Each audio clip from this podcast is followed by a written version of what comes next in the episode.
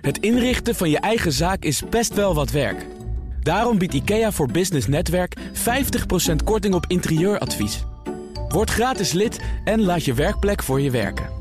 IKEA, een wereld aan ideeën. Ondernemerspanel. Als je een risicovolle branche onderneemt... kun je bij ABN AMRO wel eens flink meer gaan betalen... voor je zakelijke rekening. Eigenaren van coffeeshops kunnen erover meepraten. En de deadline nadert. Ondernemers moeten dit weekend de NOW-afrekening rond hebben. En dat geldt niet voor iedereen dat ze dat zomaar voor elkaar krijgen. Dat en meer bespreek ik in het ondernemerspanel... met Arco van Brakel, directeur van de Cleantech Regio... ondernemer en auteur van het boek Ondernemen met Impact... en Mark Berendsen, directeur partner bij Start. Fijn dat jullie er zijn, heren.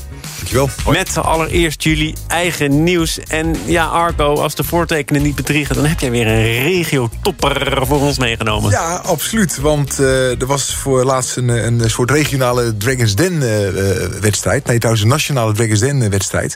En die is gewonnen door Suntank. Een bedrijfje uit Zutphen.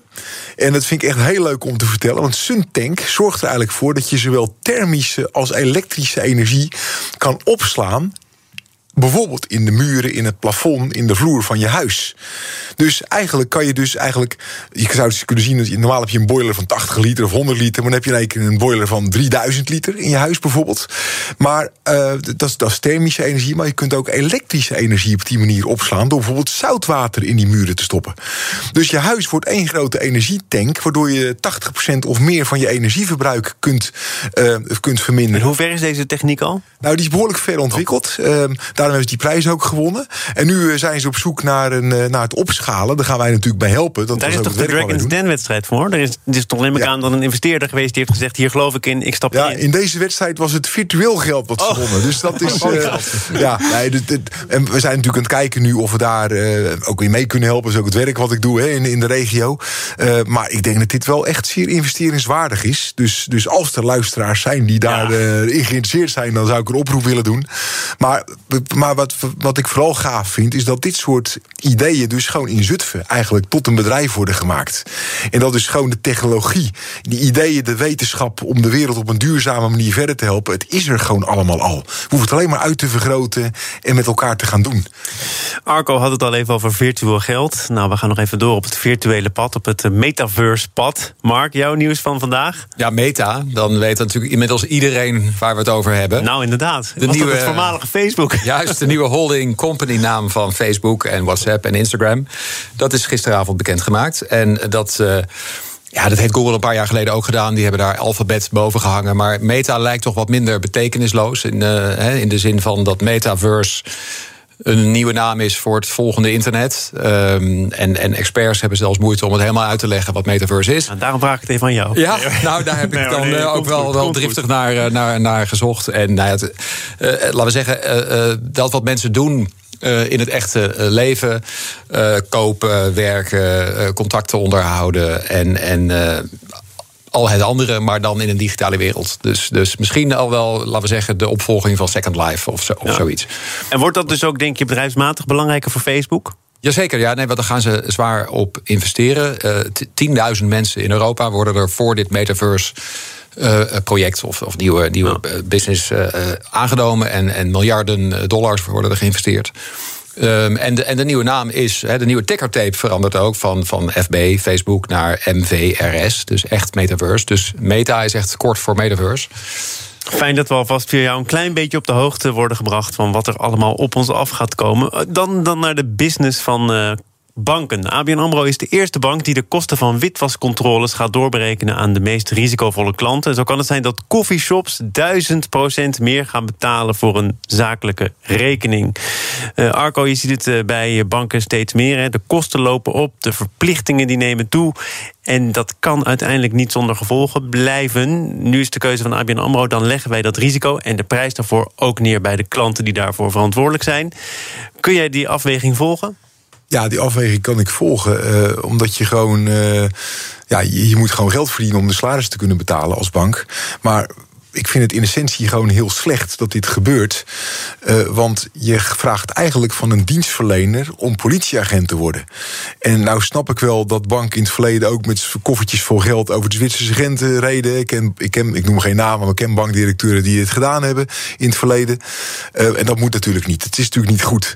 Maar Um, wat je bij de, bijvoorbeeld, ik zal een hele rare vergelijking maken. Wat je bij de coronamaatregelen zag. Een horeca-ondernemer die als politieagent in zijn eigen tent moet optreden. Um, daar komen de klanten op een gegeven moment niet meer terug. Want dienstverlenen is iets anders dan politieagent spelen. En die twee rollen kun je niet verenigen.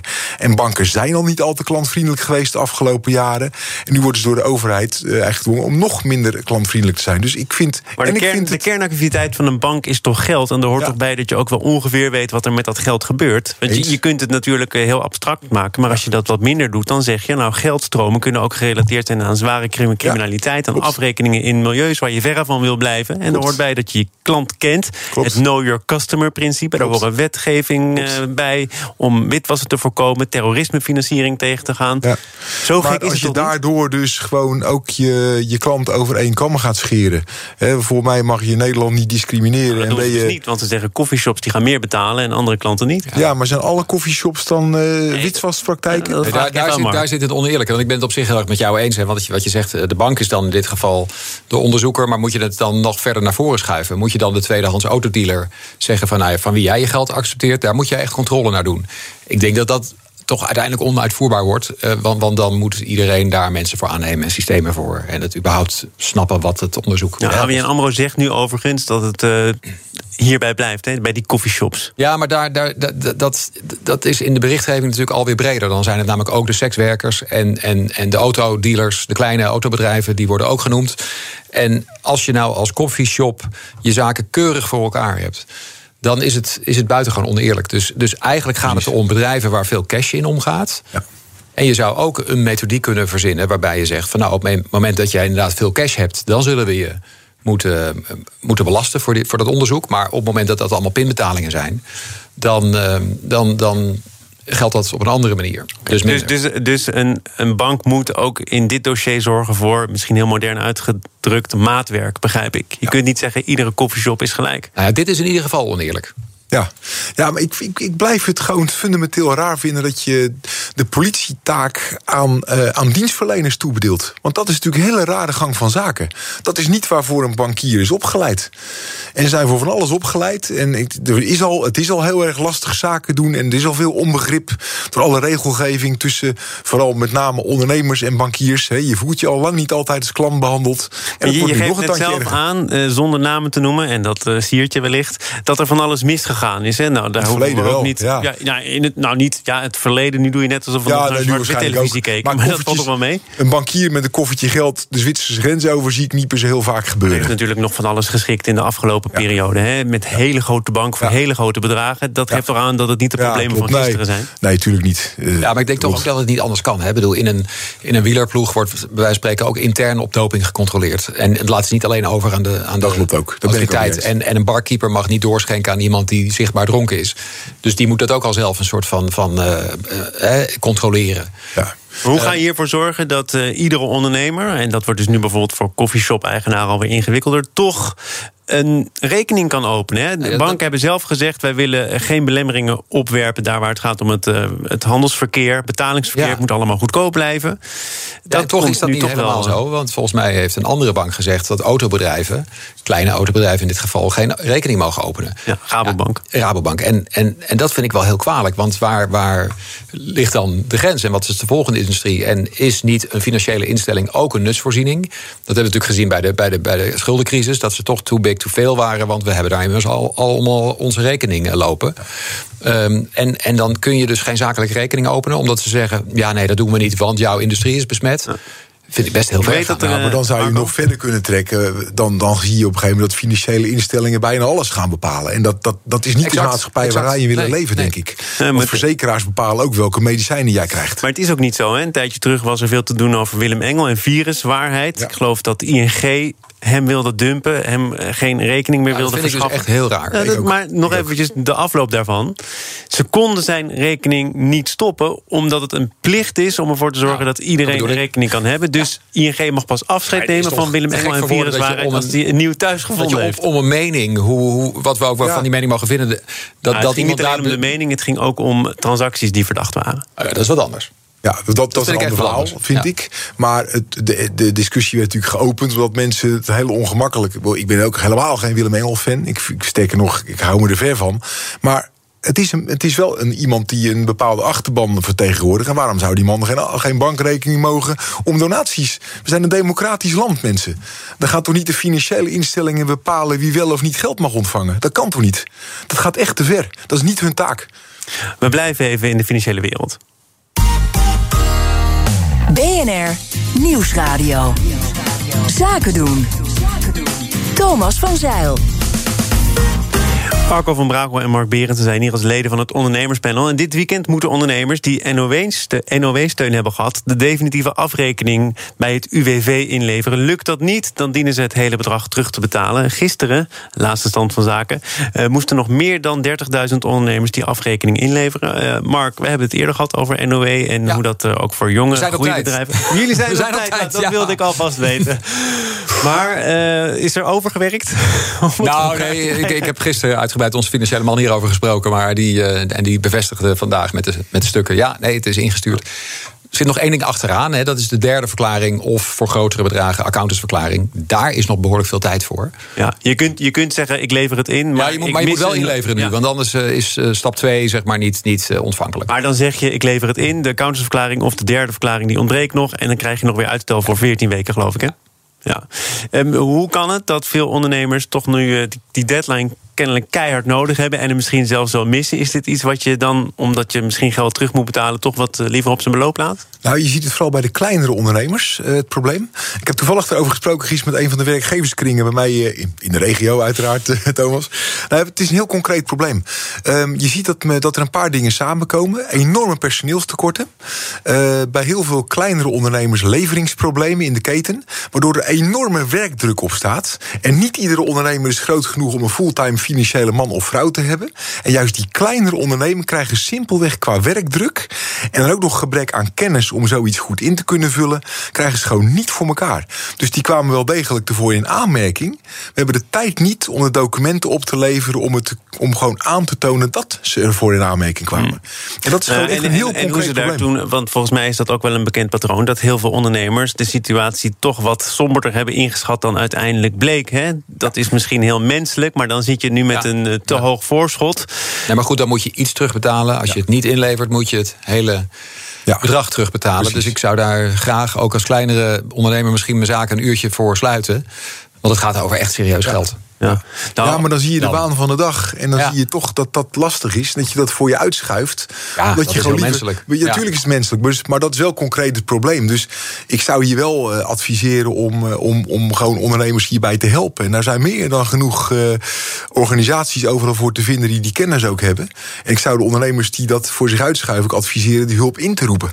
Nou ja, want er, er dreigt natuurlijk nog iets anders. Hè. Be- Bedrijven die uitstel van betaling, belasting hebben aangevraagd. Dat geldt voor meer dan 270.000 bedrijven. Ik zag daar gisteren Jacqueline Zuidweg over, ook lid van dit panel in Goedemorgen Nederland. Die zegt, ja, de geldelijke steun vervalt. Je moet aan je lopende fiscale verplichtingen gaan voldoen. En je moet gaan aflossen op oude schulden. Ook op oude schulden van voor de coronacrisis. Eh, met andere woorden, eh, november, december... Ja. dat zouden wel eens hele moeilijke maanden kunnen worden. Ja, dat zeker. En, en, en, en de vraag is ook nog eventjes... hoe, hoe worden bepaalde dingen berekend? Hè? De, de loonsom is, is natuurlijk toch een beetje een open ding. Eh, je mocht geen mensen ontslaan. Maar als je loonsom lager was dan het jaar daarvoor... wordt er misschien ook gezegd van... ja, maar per saldo heb je natuurlijk minder lonen betaald. Misschien liep er wel een contract af. Dus ik hoop wel dat daar heel coulant naar wordt gekeken. En inderdaad, als men zich maar aan de, het criterium gehouden heeft... van geen mensen ontslaan. Want daar was NOW voor, voor ingericht. Ehm, die belastinguitstel, dat is nog wel even hoor. Die, die, die horizon is wel heel naar, naar heel ver door, doorgeschoven. Ja. En de meeste ondernemers die ik spreek willen er ook liefst zo gauw mogelijk Ja, vanaf. Ik ja. spreek eigenlijk meer die zeggen, nou ik los het maar liever snel af. Eh, maar dan moet je het wel inzichtelijk hebben. En dat hebben ze niet allemaal. Want het is, eh, dat is het, voordeel, het, goede nieuws was dat de overheid ook heel gezegd, joh, we gaan snel gaan dit regelen. Dat vond ik echt goed. En we zien later wel hoe we het dan oplossen. Maar dat later, dat is nu aangebroken. En nu moet het wel ook administratief eh, opgelost worden. Ja, en dat, dat is even lastig. Maar ik wil wel benadrukken dat het natuurlijk wel heel krachtig was van onze overheid dat ze dit Ja. zo gedaan hebben toen. Alleen nu moet het oplossen. Tot slot nog iets waar eh, Michiel Witteveen van de Muurhuis Retail Group vanaf wil. En het is hem ook gelukt. Big Bazaar namelijk. Dat is volgens Witteveen, zei hij eerder op BNR, niet rendabel binnen de huidige strategie. Nou, dat heeft natuurlijk heel erg te maken met de, de, de, met de, de formule zelf. Kijk, de gemiddelde ticketprijs bij, eh, bij Big Bazaar die ligt onder de 10 euro. En dat is gewoon niet, winstgevend op het internet te verkopen. Nee, de helft van het assortiment van Big Bazaar, las ik ergens anders, is eh, minder dan 5 euro. Eh, dat moet je dan ook nog online verkopen. Dat moet je bij mensen thuis zien te krijgen. Kortom, Niet doen. die rekensom is niet op te lossen. Is dat waar het op neerkomt? Nou, ik denk dat, dat de andere formules ook in dat opzicht een specialty store zijn. Hè. Voor de blokker ga je, naar de blokker ga je voor, voor huishoudelijke spullen. Naar de, de speelgoedwinkel ga je voor, voor precies dat. En waarvoor ga je naar de Big Bazaar? Voor koopjes. Dat is natuurlijk online veel minder makkelijk te doen. Dat zie je ook aan Action. Die zijn volgens mij wel online, maar heel klein. Ja, heel recent Voor- begonnen. vooral in winkels. En ik denk dat er misschien in de markt best plek is voor Action Challenger of Action nummer 2. Zo succesvol als dat is, daar kan nog wel een tweede keten zeg maar, bij. Eh, eh, blijkbaar is daar gewoon een hele grote markt voor. Dus ik begrijp heel goed dat in een soort herijking van, van je portfolio je zegt van nou, we willen online sterk zijn. Dat kan met die formules wel en met die formule niet. Ja. Is het zo logisch? Ja, absoluut. Eh, we hebben hier ook wel eens gesprekken gehad over die flitsbezorgers. Hè, en die zijn ook heel moeilijk rendabel te krijgen. Nou, hier zit nog minder marge op. Eh, dus dat is nog minder makkelijk eh, rendabel te krijgen als je het wilt laten bezorgen. Tegelijkertijd denk ik dat degene die het nu heeft overgenomen. Ik heb even wat artikelen natuurlijk gelezen. Als ik dat verhaal hoor, dat hij zichzelf een aasgier noemt. Ik moest denken aan de tijd dat ik jaren geleden hebben we met Een franchise-concept opgezet voor online handelaren, professionele handelaren. Ja, dat, dat waren ook dit soort mensen. En hij heeft natuurlijk heel goedkoop nu een winkelformule heeft hij gekocht. Ja, en dit, bij, dit, bij dit, deze handel zit, zit je winst in de inkoop, niet in de verkoop. Ja, en een man als hij kan dit rendabel krijgen op een ouderwetse manier. Daar gaat hij gewoon geld mee verdienen. is het ook zo dat je, laatste vraag Mark, dat je ermee in je maag gaat zitten als je bijvoorbeeld met Blokker en met je andere winkels een kwaliteitsslag wil maken? eh, Wat eh, Witteveen zegt en wat andere retail-experts hem ook wel nazeggen. Mhm. En dat je dan tegelijkertijd in je portefeuille nog een winkel hebt die met name koopjes verkoopt. Ja, tuurlijk. eh, geen Ja, duurzame en, en- spullen en, verkoopt. dus inderdaad qua methodiek van verkoop gewoon niet aansluit bij, bij, het, bij, bij je andere formules. En dan heb je dus gewoon de, de, ja, qua samenstelling van je team problemen. Ehm, en, en cultuur en focus en iemand ander. En, en dan krijg je het denk ik ook niet rendabel. Wat je zegt over grootschalig inkopen, goedkoop, goedkoop, goedkoop. En een ander is daar weer heel goed in. Nou, laat die het doen. Het is echt een expertise hoor, om iets goedkoops rendabel te krijgen. Ik vind het heel knap, maar dat moet je wel kunnen. En deze, ik denk dat de nieuwe eigenaar dat kan.